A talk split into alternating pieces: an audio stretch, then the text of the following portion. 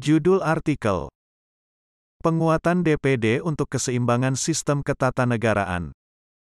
Ditulis oleh Ayon Dinianto, dosen jurusan Hukum Tata Negara, IAIN Pekalongan.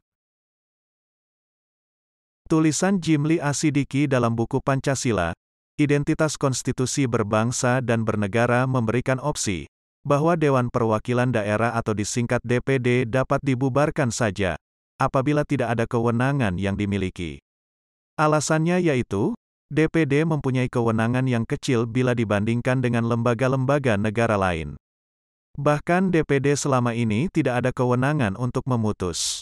Jadi jika tidak ada kewenangan memutus sama sekali, ada opsi untuk lebih baik dibubarkan saja. Dikutip dari Asidiki, 2020. Jimli nampak kecewa terhadap sistem ketatanegaraan di Indonesia, yang pada khususnya tidak memberikan kewenangan kepada DPD. Pernyataan dari Jim Lee, yang juga merupakan anggota DPD, tentu dapat dikatakan sebagai pernyataan yang mewakili suasana kebatinan lembaga dan anggota DPD. DPD Indonesia memang harus diakui mempunyai kewenangan yang cenderung lemah, bila dibandingkan dengan lembaga negara yang setingkat. Bandingkan misalnya dengan DPD di Amerika Serikat, yang disebut sebagai Senat. Senat di Amerika Serikat mempunyai kedudukan yang kuat, bahkan lebih kuat dari DPR Amerika Serikat. Senat mempunyai kekuasaan yang kuat, misalnya dalam bidang memutuskan suatu hal, contohnya seperti impeachment atau pemakzulan.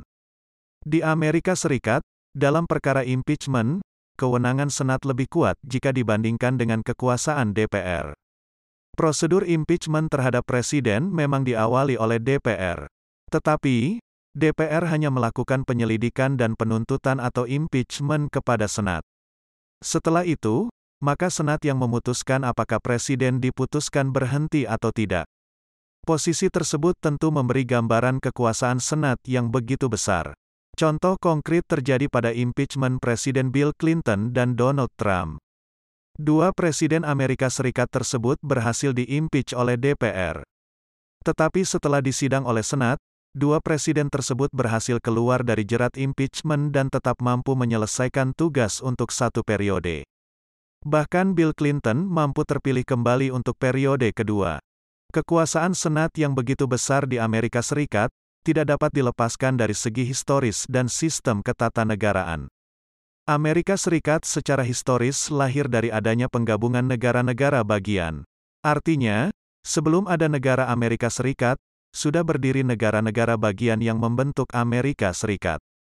Inilah yang kemudian menjadikan kewenangan negara bagian kuat.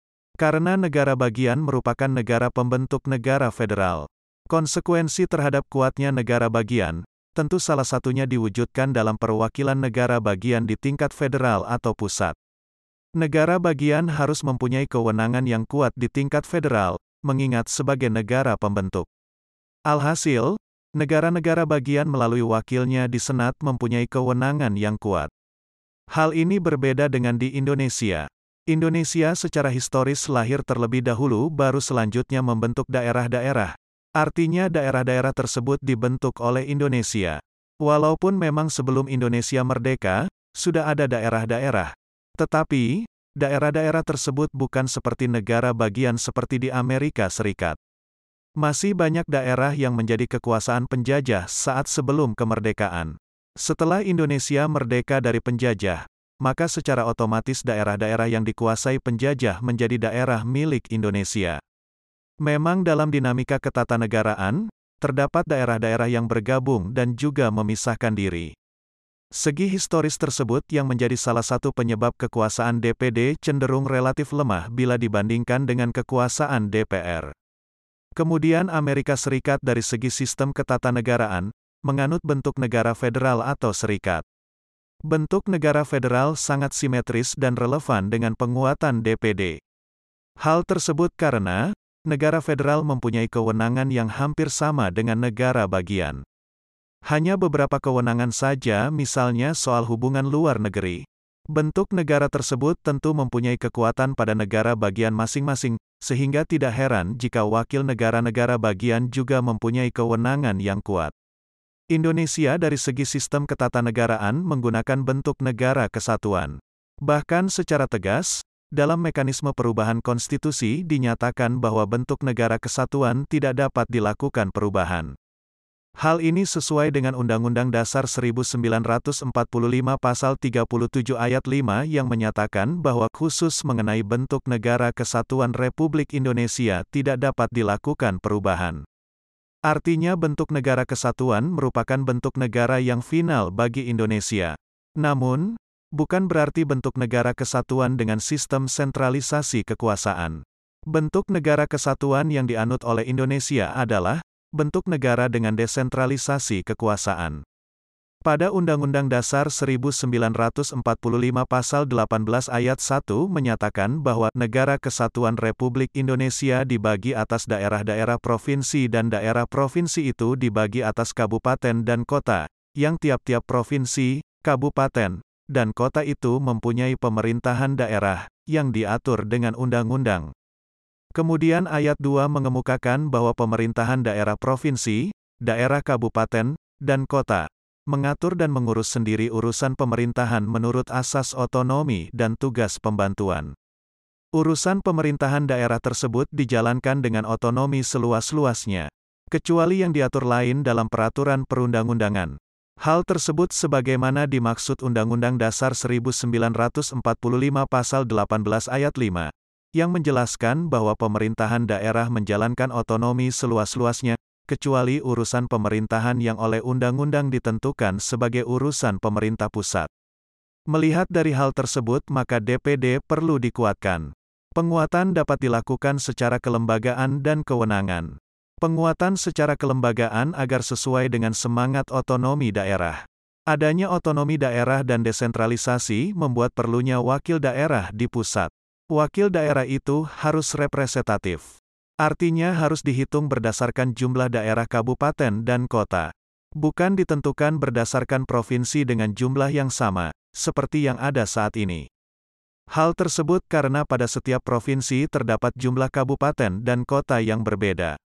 Undang-Undang Dasar 1945 Pasal 22C Ayat 2 menyatakan bahwa anggota Dewan Perwakilan Daerah dari setiap provinsi, jumlahnya sama, dan jumlah seluruh anggota Dewan Perwakilan Daerah itu, tidak lebih dari sepertiga jumlah anggota Dewan Perwakilan Rakyat.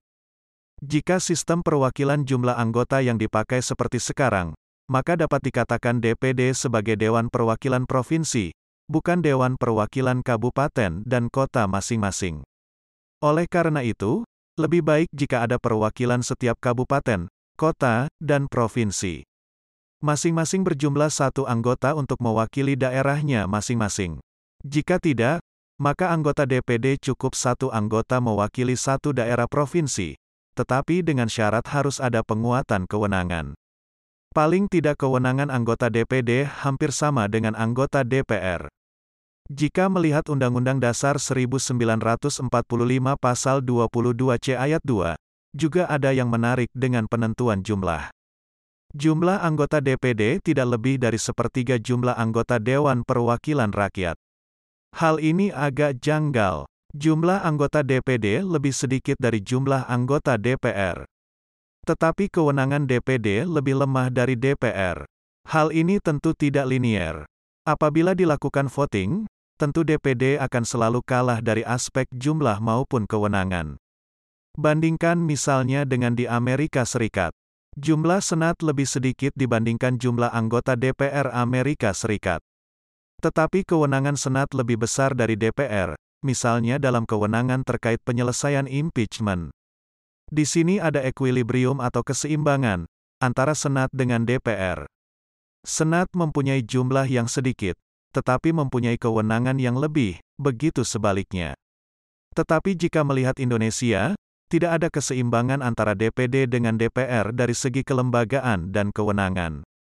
Hal ini tentu sulit untuk mencari titik check and balances antar lembaga negara dalam hal ini khususnya antara DPD dengan DPR. Artinya juga, perlu diperkuat kewenangan DPD agar dapat menjaga keberimbangan, khususnya dalam cabang kekuasaan legislatif di Indonesia, yaitu MPR, DPR, dan DPD. Salah satu penguatan yang mungkin dilakukan yaitu dengan memberikan kewenangan legislasi lebih kuat kepada anggota DPD. Misalnya, DPD ikut memutuskan atau menyetujui rancangan undang-undang terkait dengan otonomi daerah, hubungan pusat dan daerah, pembentukan, pemekaran, dan penggabungan daerah, pengelolaan sumber daya alam dan sumber daya ekonomi lainnya, serta perimbangan keuangan pusat dan daerah. DPD juga harus diberikan kewenangan untuk ikut membahas rancangan undang-undang berkaitan dengan pajak, pendidikan dan agama.